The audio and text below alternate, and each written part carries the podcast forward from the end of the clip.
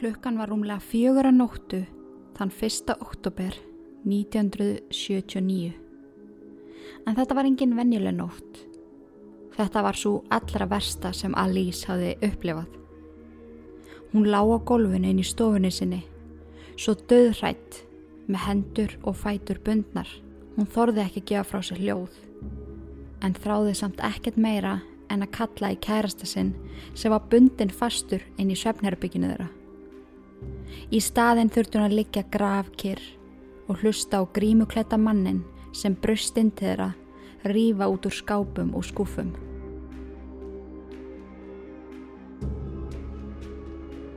Á meðan hann battana, nokkrum mínútum áður, saðist hann bara vera að leita af peningum. En Alice grunaði að það væri alls ekki allt sem hann vildi. Henni grunaði hver þetta væri og sá maður vildi sko miklu meira en peninga. Alice reyndi að nutta höndunum saman í þeirri von um að hendunar losnuðu. Maðurinn stóðin í eldúsi og fór í gegnum eldúskápana og snýri baki í hana. Hún ótaðist að ef hann snýri sig við, tækin eftir því hún var að reyna að losa sig. En Alice reyndi að halda rósinni og nuttaði höndunum fram og tilbaka til að losna. Og viti menn, hún náði að losa sig. Þegar hún áttaði sig á því að hún var komin skrefinu lengra í að komast undan, leit hún um mannin sem stóð ennþá henni í eldúsi og snýri bakin í hana. Hann var byrjað að gæða sér á matnum sem hafi verið í kvöldmatinn hjá parinu. Verði honum að góðu. Alice reyndi að tegja sér lötur hægt í áttina fótunum sínum og losa hnútin. Hún starði á mannin á meðan hún losaði hnútin. Svo var hún laus. Nú varð hún að gera þetta rétt því annars er þetta hennar allra síðasta stund. Hún taldi upp að þrem í huganum. Einn, tveir, þrýr. Síðan spretti hún og fætur og hljóp eins rætt hún mögulega gata út í þeirra hörðinni. Opnaði hana og hljóp gargandi út á götu. Hún öskraði eins hátt hún gat og fyrir en varði voru ljósin í húsum nágrannana byrjuð að kveikna hvert á fætur öðru. Alice leit um öxl og sá grímuklætta mannin hlaupa út úr húsinu í gagstaði átt. Léttirinn sem fórum líka með hennar var ólýsanlegur. Hún hafði sloppið frá hinnum alræmda Golden State Killer.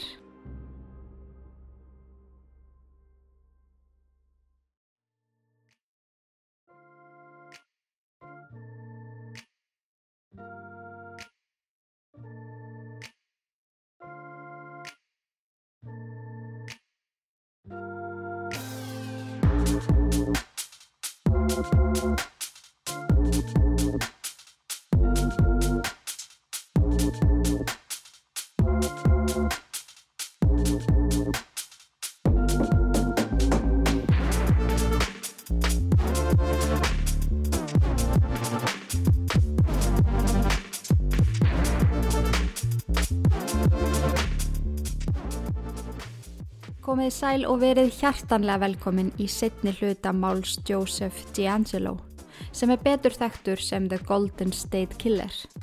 Í síðasta þætti fóru við yfir uppvakstra ár hans og hans fyrstu ár sem nöðgari og innbrústjóður.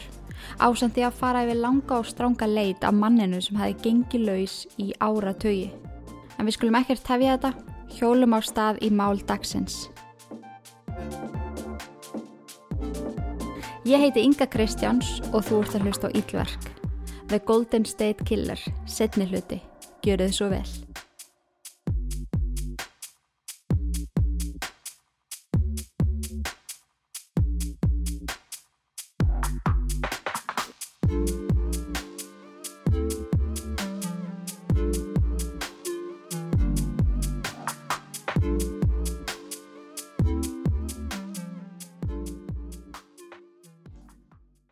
Joseph hafði fært sig um sett. Hann setti stað í litlum bæ nálagt Santa Barbara í Kaliforníu. Það var orðið of hættulegt fyrir hann að halda starfsemi sinni áfram í Auburn og þeim stöðum sem hann hafi lagt í rúst áður fyrr. Fólk var farið að fá sér öryggiskerfi, myndavælar, allir áttu byssur og það var nær ómögulegt að komast inn um glugga nýja hurðir því allt var svo harðlæst. Þetta var orðið of erfitt og áhættu samt og Joseph var ekki tilbúin að láta grípa sig í missefnari tilraun við að nauðga eða brótast inn. Starfsemi Versalia Ransaker og East Area Rapist stoppaði því alveg árið 1979 en Joseph var hverginar hættur. Framöndan voru hans dimmustu og hróttalegustu verknaðir. Hann vonaðist til þess að með því að flytja í burtu myndi aldrei komast upp um allt sem hann hafi gert. Í hans huga var hann hólpin Fráls maður sem geti gert allt sem hún langaði. Eftir að hann var rekinn frá lauruglustöðin í Auburn, eins og ég saði ykkur í síðasta þetti, fyrir að stela ykkur smádrasli úr apoteki, sótti hann um sem bílstjóri. Hann kerði þannig með stóra bílfarma frá Santa Barbara inn í höfuborgina og ytti miklum tíma einn á ferðinni sem hendaði honum fullkomlega. Hann eitti öllum sínum stoppum og pásum í að skoða kort af bænum sem hann var ný fluttur í. Hann merti inn á kortið íbúakörfi sem hann hafi áhuga á að skoða betur. Asinn möguleg heimili til að brjótast inn á. Hann lofaði sjálfu sér að núna skildi hann skipulegja sér vel. Hann vildi kunna á hverfin inn og út. Hvert væri best að fara og hvernig væri best að flýja að vettvangi. Hann var við stýrið. Hann stjórnaði og það var ymmit eitthvað sem að hann hafi þráð allæfi. Eftir að hafa mert vel og vandlegin á kortið, eitti hann kvöldum í að keira um hverfin, finna út hver bjó í húsunum, heilsa jafnvel fólki sem hann sá út á götu og kynna sér staðhætti. Eftir hann hafi gert það, þá gæti hann forgámsraðað. Hvert vild hann fara fyrst? Hvaða heimili væri hendugt til að brótast inn á?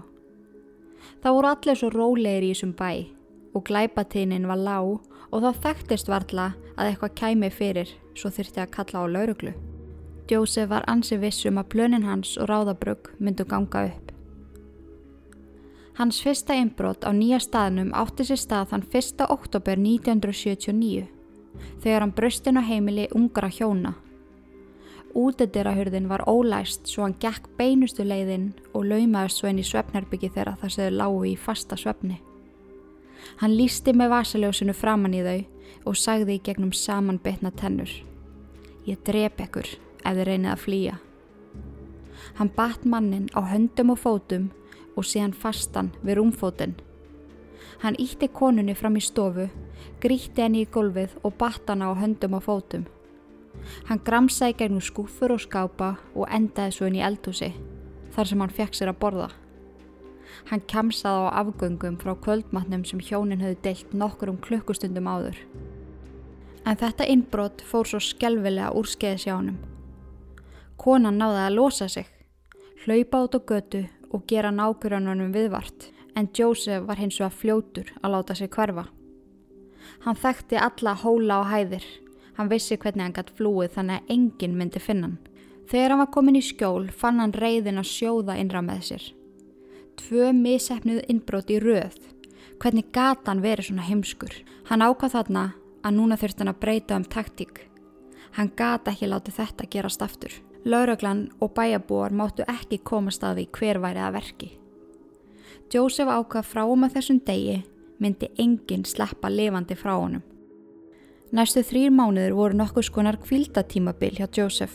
Hann let lítið fyrir sig fara, lagði á ráðinn og ákvað næstu skref. Á sama tíma var hann alveg ofsala reyður út í lífið og sjálfan sig og líka helvitiskellinguna sem slapp frá honum og vakti allt nákrænið.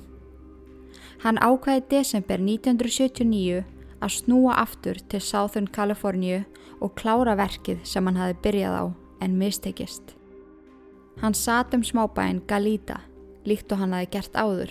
Hann kunni velvissi þar, þekkti hvert krók og kema og vissi á þeim stað geti hann látið sínar dýfstu og drungalegustu fantasíur verða að raunveruleika. Til að hita upp innan gæsalappa braust hann inn í 20 hús í Galíðakörfinu. Hann fór í gegnum eigur fólksins, tók það sem hann taldi eigandunum mikilvægt og passaði sig að skilja alltaf þannig við húsið að það myndi valda eigandum sem mestum óþægendum. Það voru hjón sem byggu í Galíðakörfinu sem segja frá því setna meir að þau hafi verið að koma úr flugi einan nóttina og þau hafi séð mann gangaði gegnum stofuna þeirra. Þegar biljósinn lístu í gegnum gluggan hafi maðurinn stoppað, letið átt þeirra í gegnum glukkan og flúið svo á vettvangi. Það er áhugavert að pæla í því af hverju hann fær svona mikið útrúsu. Þótt margir segja hann sé bara virkilega veikur og yllu maður sem hefur gaman að því að hrella aðra. Bakveðið allt saman er svo laung og djúb saga. Alveg eins og við fórum yfir í fyrsta þætti. Jósef hafði alltaf þráð völd. Hann hafði þráð að stjórna aðstæðum. Með því að brjótast inn í hús sér til gamans gæti hann stjórnað. Hann gæti verið valdur þess að fólk var hrætt heima á sér. Flutti ég vel út eða þurfti að gera drastískar varuðaráðstafanir. Og af hverju þurfti fólk að gera það? Út af honum. Hann var ástæða þess að fólk í heilu hverfunum var döðrætt og það var nákvæmlega það sem hann sótist eftir.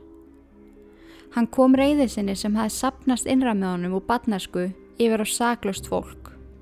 Því hann var jú saglust barð þegar hann horfið á pappa sinn berja móðu sína. Hann var saglust barð þegar pappans talaði niður til hans og barðan og hann var saglust barð þegar hann þurfti að horfa upp á tvo hermenn nöðuka sýstu sinni. Aðrir saglusir einstaklingar þurfti að fá að finna þær tilfinningar sem hann fann. Óta, stjórnleysi, vonleysi og meðan hann náði þessu fram, sefnaði hann kröftum. Hann skildi eftir sönnunagögnum allt galíða körfið. Fótspor í kringum húsin, drastlinn í húsunum og særð gæludýr sem hann hafi lamið þegar þau reyndu að verja heimilið sitt. 30. desember 1979 braustuninn á heimilið Dr. Robert Offerman og kærustu hans Deborah Manning.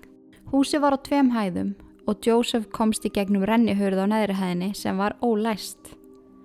Hann heyrði hrótur koma frá efri hæðinni Hann tók á vasiljósið og aðtúaði hvort að bissan væri ekki hlaðin sem hann gemdi í buksnastrengnum. Joseph gekk svo hægt og rólega upp stegan. Á leðinni tók á mótonum ljósmyndir, þrjú brósandi börn og par á ferðalagi. Ætla þetta sé ekki pari sem að liggur sofandi á efrihæðinni? Joseph hristi hausinn. Hann mátti ekki gleima sér í þessum ljósmyndum. Hann þurfti að einbeta sér. Hann gekk upp síðustu þrepinn og fylgdi hrótonum sem lettu hann inn í svefnherbergi Parsins. Hann kveikti á vasaljósinu og gekk rösklega upp á rúmunu. Hann lísti framann í þau og sagði í gegnum klemdar tennur. I'm here for your money. Debra var fljóta hugsa og tók af sér alla ringana sína og lagði á golfið. Joseph skipaði henni að binda hendur Roberts. Hún battar en mjög laust í þeirri vonum að hann gæti losa sig auðveldlega. Jósef gengur því næst að Debru, rýfur hana fram úr rúmunu og hefst handa við að binda hendur hennar fyrir aftan bak. Robert sér hann að tækifæri, losar hendurnar, stekkur út úr rúmunu og ræðist á Jósef aftanfrá. Jósef var fljótur að hristan af sér, tekur upp bissuna á buksnastrengnum og skýtur þreysvar. Nágrannar parsinn segja frá því setna meir að þessa örlaðaríku nótt hafiðu heyrt þrjú bissuskudd í rauð. Síðan kom nokkra sekundna pása og svo eitt byssuskot til viðbótar. Joseph skaut Robert þreysvarsinnum í bringuna og Deborah aftan í höfuðuð. Taktik hans hafði breyst. Hann hafði tekið þessa ákvörðun eftir tvö misefnið inbrott að ef eitthvað færi úrskeiðis í inbrottinu myndu fórnalömpin ekki fá að lifa.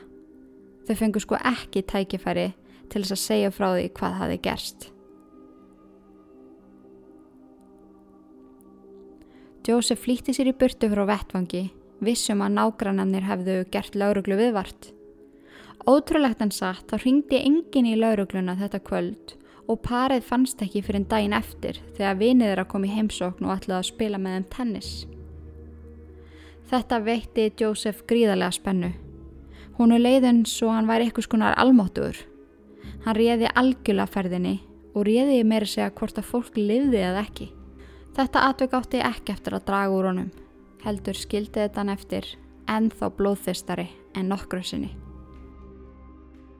En áður við höldum áfram með sögu Joseph James D'Angelo, skulum við heyra nokkur orð frá styrtaraðila þáttarins.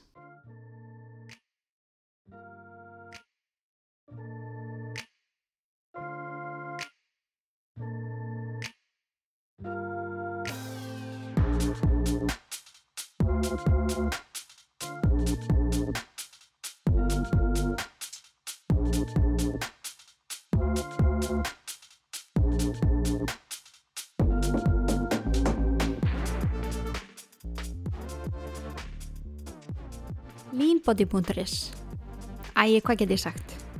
Það sem að ég held upp á þetta fyrirtæki. Ég gleym ekki þeim degi sem ég gekk fyrst ángað inn. Á þeim tíma var ég að upplifa dimmasta og versta tíma lífsminns og mér langaði svo að gera eitthvað fyrir sjálf á mig. Ég kefti með prótein og fattbörnir. Ég er þannig að stundum þegar ég ætla að henda mér út í eitthvað nýtt markmið þá er ótrúlega mikil kvartning fyrir mig að kaupa mér eitthvað nýtt hvort sem það eru född, skór eða fæðubóta efni. Alltaf sé ekki kaupvikillin í mér. en það faraðan inn hvatti mig svo mikið áfram. Starfsfólkið var svo gott um mig, vildi ekki að ég kefti mér og mikið, sagði mér að byrja þessu og koma svo frekar aftur. Þau fylgdu mig fljóðlega á Instagram, sendu mig pepp og sögðu mér að ég væri dugleg. Ekkun veginn frá fyrsta degi var ég orðin partur af ykkuru. Ég var orðin partur af Team Leanbody og það gaf mér svo ótrúlega mikið.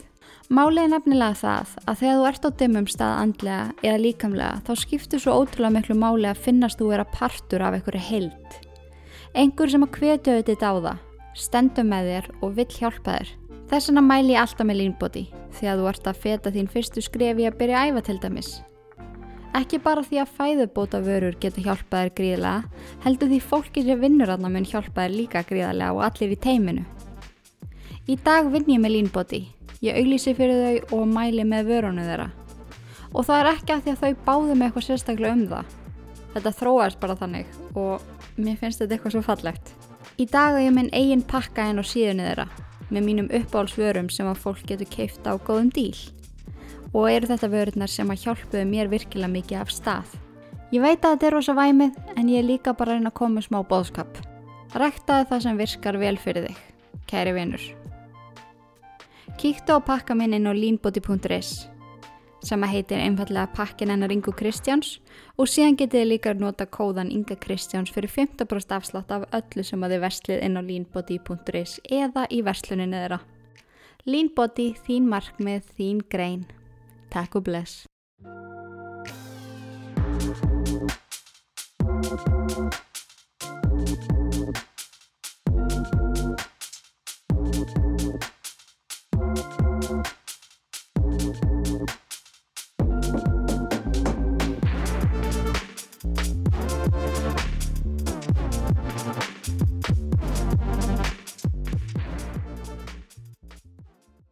Velkomin tilbaka mín fagru fjess.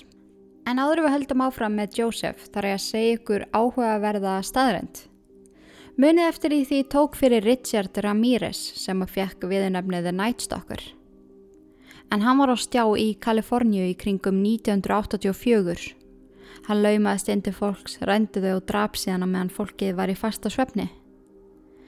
Málið með hann var að hann fekk nafnið The Night Stalker en á þessum tímapunkti í sögu Joseph D'Angelo í kringum 1980 þegar hann byrjar að fara inn til fólks á nóttinu og drepa það í söfni þá fjekk hann einnig við nefnið The Night Stalker.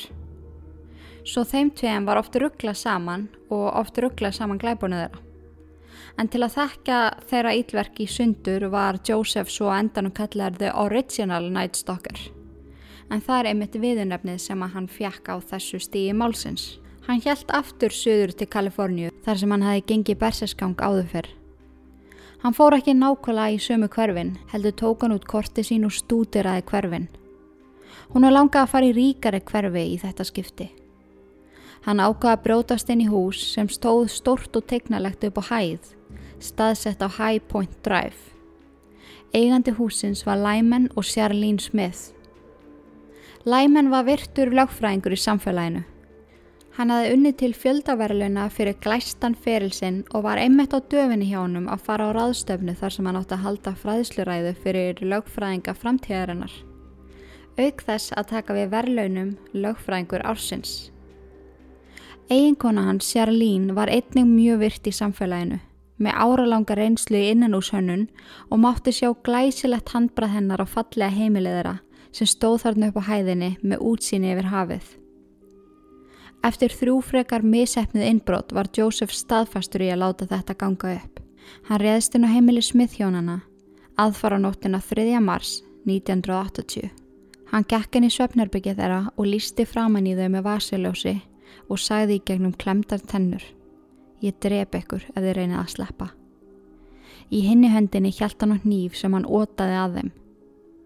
Það er ekki vita nákvæmlega hvað fór fram þessa nótt, nema það að hann eitti miklum tíma inn á heimilinu. Hann aði greinilega farið gegnum skúfur skápa og leitaði munun sem hann vildi ræna. DNA síni sína einnig að hann misnótaði sérlín kynferðslega, eitthvað sem hann hafði ekki gert síðan hann hafði viðunöfnið í styrja reypist. Næsta sem er vitað er að hann tók trjádrömb frá eldstæði innan úr húsinu og barðiðu bæði til óbóta sem að leti til ótímabær stöðaðura. Það bendur allt til þess að Jósef hafi fengið sér að borða eftir að hafa drepi hjónin og farið svo í styrtu. Þegar lík þeirra voru uppgötuð klukkan tíu um morgunin var Jósef lönguhorfin á braut, ánæður með gangmála og þyrstur í meira. Aðilinn sem kom að hjónunum var 12 ára gammal sonur Læmen sem hafði ætlað að slá lóðina fyrir föðu sinn og stjúpmóður gegn smá vasapenning. Þegar enginn tók á mótonum eins og vanalega, gekk hann um húsið og kallaði til þeirra. Að lokum kom hann að ítla leiknum líkum þeirra og rak skiljilega upp öskur sem að nágrannanir heyrðu og komu hlaupandi yfir til að aðtöa hvort það væri allt í lægi. Nokkru mínutur síðar voru lauruglu og sjúkrabilar búin að umleikja húsið á hæðinni. Á meðan þessi sjón átti eftir að breyta lífi stráksins að eilífu og skilja hann eftir traumatized var Joseph svo fullnæður og ánæður hann gæti lifað á þessari minningu næstu fimm mánuði. Í þessa fimm mánuði tók hann svo kallað kvildartímabill, let lítið fyrir sig fara og syndi sínu vennilega lífi. Það var svo í ágúst 1980 sem Joseph var farið að langa aftur til að fremja voðaverk.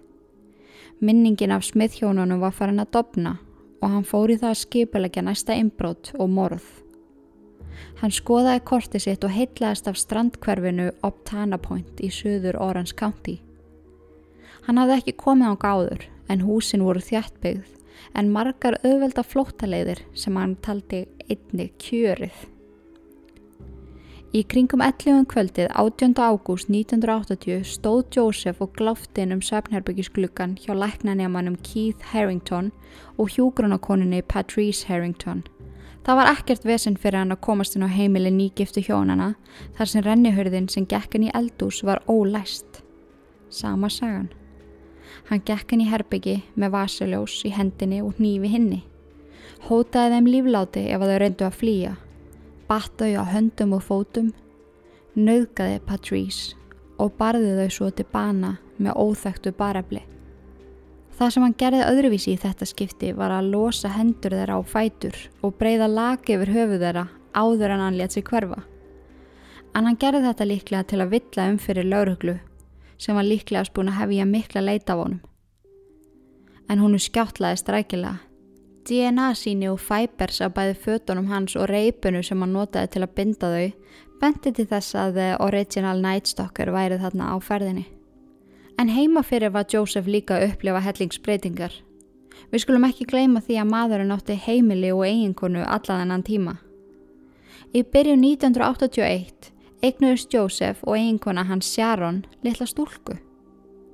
Joseph sem var þarna 34 ára gammal varð fadir í fyrsta skipti.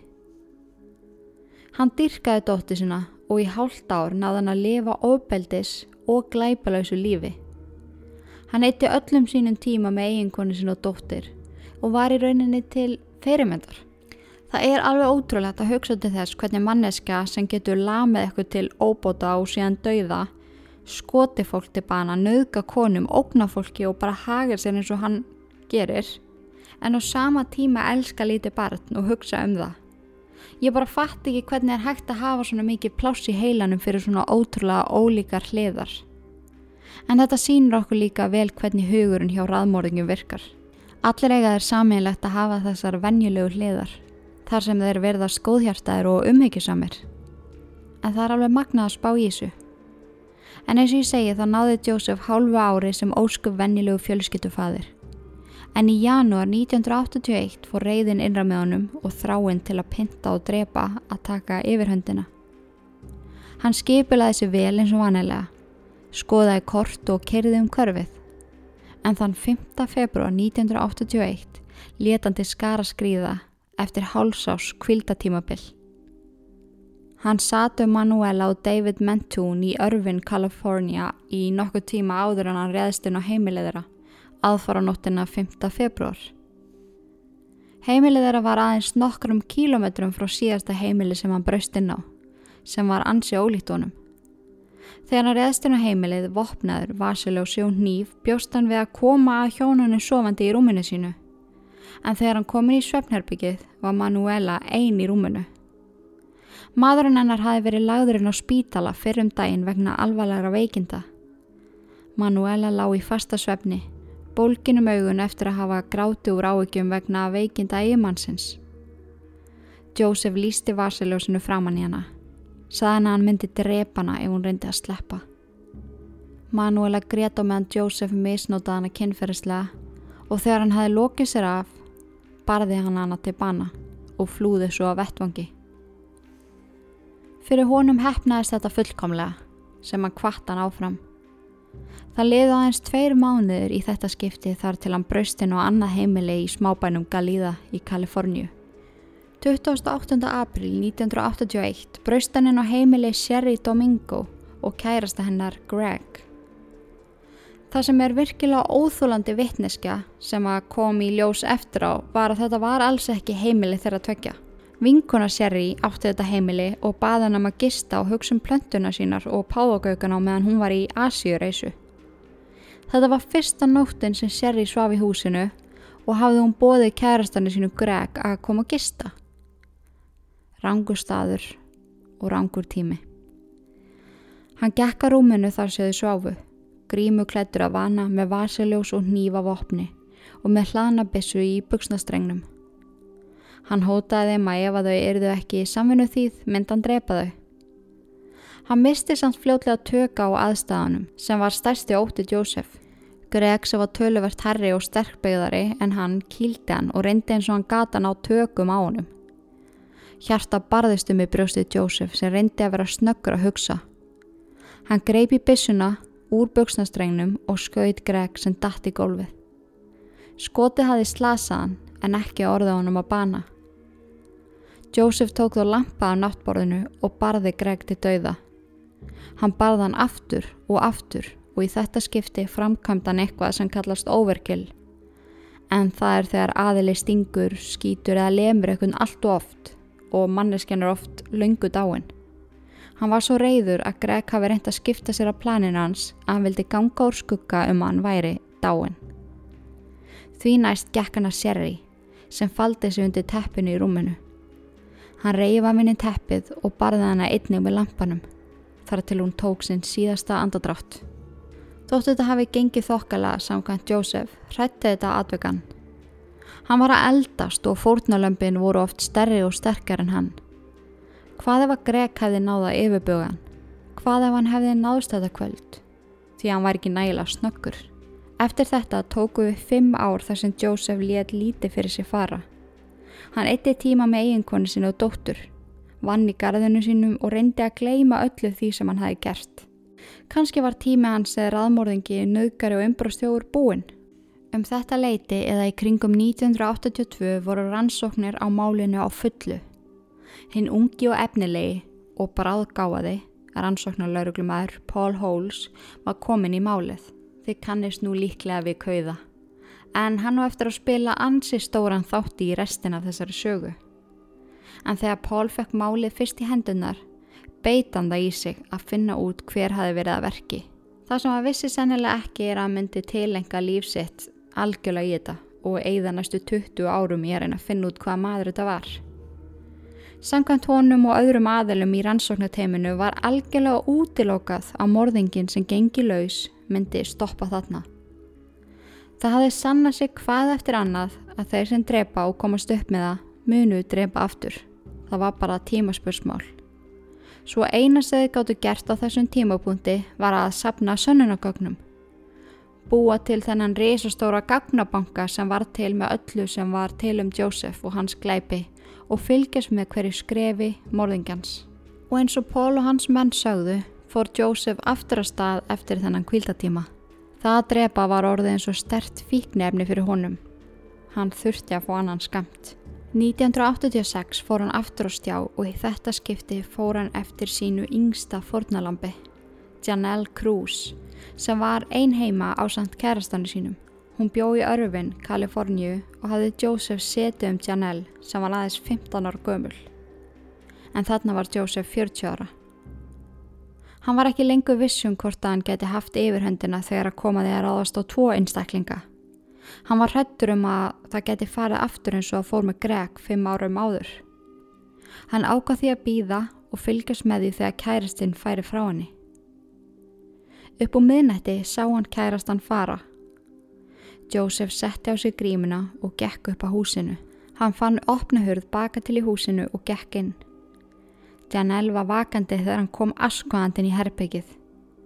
Hann hótaði engu, sagði ekkert, heldur greipan hana, battu munnin á henni og nauðgaði henni klukkutímum saman. Þegar hann hafi lokið sér af, barðan hana yfir 50 sunnum í andletið. Hann barða hana svo mikið og illa að hún var algjörlega óþekkanleg og þurfti að notast því tannlæknaskíslur til að ganga úr skugga um að þetta væri hún. Reyðin og ílskan sem hefði sapnast upp þessi fimm ár sem að hann náði að vera rólegur var tekin út á aumingja Janelle þetta örlaðaríka kvöld. Nokkru mánuðum eftir morðið á Janelle Cruz egnaðist Joseph sitt annað barn með eiginkonu sinni, aðra litla stúlku. Það er ekki vita nákvæmlega afhverju en Joseph stoppaði algjörlega þarna. Morðið á Janelle var það síðasta sem Golden State Killer framti. Margir telja að það hefur verið vegna stekkandi fjölskyttu en það er einnig talið að hann hefur bara verið orðin þreyttur, farin að eldast og eldmóðurinn sem hann hafi haft þegar hann var ungu maður var farin að dvína. 1989 eignaðist hann þriðju dótturina en um það leiti var hjónaband hans á bláþræði. Nokkru mánuðum eftir að yngsta dóttur hans kom í heiminn skildu Joseph og Sharon. Skilnaðurinn fór fram með miklum íllendum og heyrðu nágrannar þeirra oft til Jósef öskra á hana og blóta henni í sand og ösku. Sjaran sótti mér svo um nálgunabann í eitt skiptið og þegar þau skiptu forræði dætra sinna á milli sín gekk alltaf á með miklum látum. Jósef var fljótlega þekktur í hverfunu sem gamall full kall sem að sæði aldrei góðan daginn og tuða yfir allt og öllu. En í kringum 1990 fekk Jósef starf sem velverki og þar starfaðan næstu 27 árin. Félagar hans á verkstæðinu lístu honum sem gamlum dörg sem að mætti alltaf í vinnuna, fór heim og fekk sér káfsi og horða frettir. Ótrúlega vennilegur, einhleipur og full kall eitthvað neginn. En um það leiti sem að hann fekk vinnuna á verkstæðinu stunda hann þann viðbjóð að ringa í þau fórnalömp sem að hafðu lifað árás af frá honum og í þeim símtölum sagðist hann ætla að koma og drepa þau. Hann ætlaði að koma og klára verkið. Það er spurning hvort hann hafi fengið útrás með því að gera þetta. En hann ringdi líka í maka fornalampa sem að hann hafi drepið. Andaði djúft í síman eða hló. Eigimaður einna konunar sem að Joseph drapi í kringum 1980 sagði frá því setna meir að í 30 ár hann fengið svona símtöl, reglulega. Jósef réði ekki við sig, hann varða stjórna aðstæðum. Hann vildi sína að hann réði og geti hrætt fólk án þess að snerta þau. Hann kom fram með fólk eins og fokkin strengjabrúður, það er bara nákvæmlega þannig. Þessi símtöl voru öll tilkynnt til lauruglu og þessi símtöl sagði einmitt lauruglu að The Golden State Killer væri ennþá að núti. Hann var ekki dáin eins og sumir heldu á tímabili. Árið 2001 þegar DNA síni voru greint með mun fullkomnari tækni komst í ljós að Vesilia Ransacker, Easteria Rapist, The Original Night Stalker og The Golden State Killer væri allt sami maðurinn. Paul Holes var staðfastur en nokkru sinni fyrir að finna út hver þessi maður væri. Árið 2017 datt honum í hug að nota ættfræði til að finna út hver væri eigandi DNA sínana sem að voru á vettvangi. En þetta hafði aldrei verið gert áður og þurfti Pól og hans teimi að fara alls konar krókaleðir til þess að geta notast við þær ættfræði síður sem að voru starfandi. Þar sem að hann var að nota þetta á allt annan hátt en var gert vanalega. 2018 eftir að hafa rendi gegn DNA síni og notast við ættfræðina náði Paul ásand teiminu sínu að þrengja listan niður nýju einstaklinga sem kom til greina. Og auðvitað var Joseph einn af þeim. Og það sem hann gerði er að hann notaði bara já þetta er frendi hans, þetta er frendi hans þetta er fjarskilt setjum þennan lista. Og svo bara ok, það er þessi þetta er frendi hans, þetta er frendi hans þessi eru fjarskildur setjum hann að lista, þú veist hann notaði þetta tók mörg ára að gera þetta en hann náði að nota ættfræði til að finna út hver ætti DNA sínið og ég mæli með því að þið já, ég er að fara að mæla með bók við ykkur eftir þar sem þið getið heyrt fullkomlega um þetta. En ég var bara ekki nógu góð að þýða íslensku orðin yfir allt þetta ættfræði shit yfir á nei, ennsku orðin yfir á íslensku fattið mig. En ég ætla að segja ykkur fullt af gögnum eftir, eftir sem að þið getið hlusta á til að læra meira um þetta. En Paul Holes er meistari og það, þið viti potið hverju þetta er en já, hann náði að þrenga niður listan og auðvitað var Joseph einn af þeim Það sem að þeir gerðu var svo að fara á heimilið þeirra sem voru á listanum. Þeir sátu í ómertum lauruklubílum í enda götunar og fyldust með einstaklingunum í eina viku og byðu eftir að þeir hendu rusli. Þeim vantaði nýlegt DNA síni úr einstaklingunum. Á sjötta degi var Joseph út í gardi hjá sér og notaði tissjú til að snýta sér. Hann hendi tissjón í ruslið og Pól og teimið sprungu næstum úr gleði í bílnum og byðu óþrægu fullir eftir því að geta farið og sótt tissjóð. Ég held að enginn hafi nokkuð tíma verið jafn hamingjusamur með að fá hórtissjú. En eftir að tissjóð hefði verið sett í rannsókn og borið saman DNA síni komið fram sláandi niðurstöður. 100% samræmi.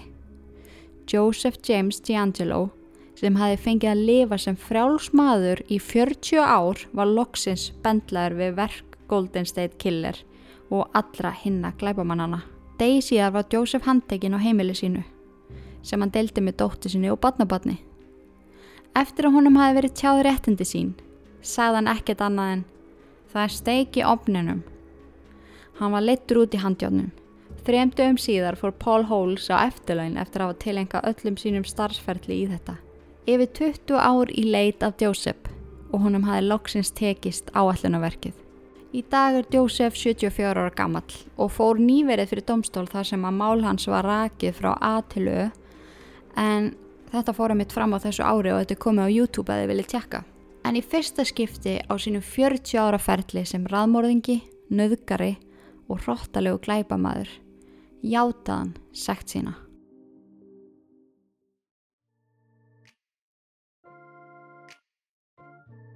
Jæja, já, já, já, krakka minnir, jæja, þá eru við búin að fara við mál Joseph James D'Angelo sem er ræðilegt mál en samt svo áhugavert. En ég vil endilega fá að mæla með einni bók með ykkur, við ykkur. Og þetta er ekki svona típisk bók-bók, þetta er svona bók-bók-bók þetta er mjög góð bók sem að Paul Hall skrifaði og þau geti kift hana inn á Amazon og hlusta á hana í Audible ég mæli mikið með, hún kostar eitthvað lítið. Hún er mjög, mjög, mjög, mjög áhugaverð og hann fer bara yfir þú veist hvernig hann fóraði að handsama mannin og allt sem hann notaði og þú veist það er ekki djóka maðurinn tilengaði 20 árum af lífi, lífi sinu í að finn, finna Golden State Killer. Og ég gleimi ekki augnablikinu þegar þetta komst upp og öll trúkræm podcastin sem að maður hlusta á tók þetta fyrir og bara oh my god og ég manna my favorite murder ringdi hérna My Favorite Murder podcastið og hóstanir í því Karen og Georgia þau ringdu í Paul Holes og bara oh my god þú er bara að finna hann og þetta er bara, þetta var svo mikið happy time að þessi viðbjóður kom slóksins bakur lásaslá að það bara, þetta er magnað.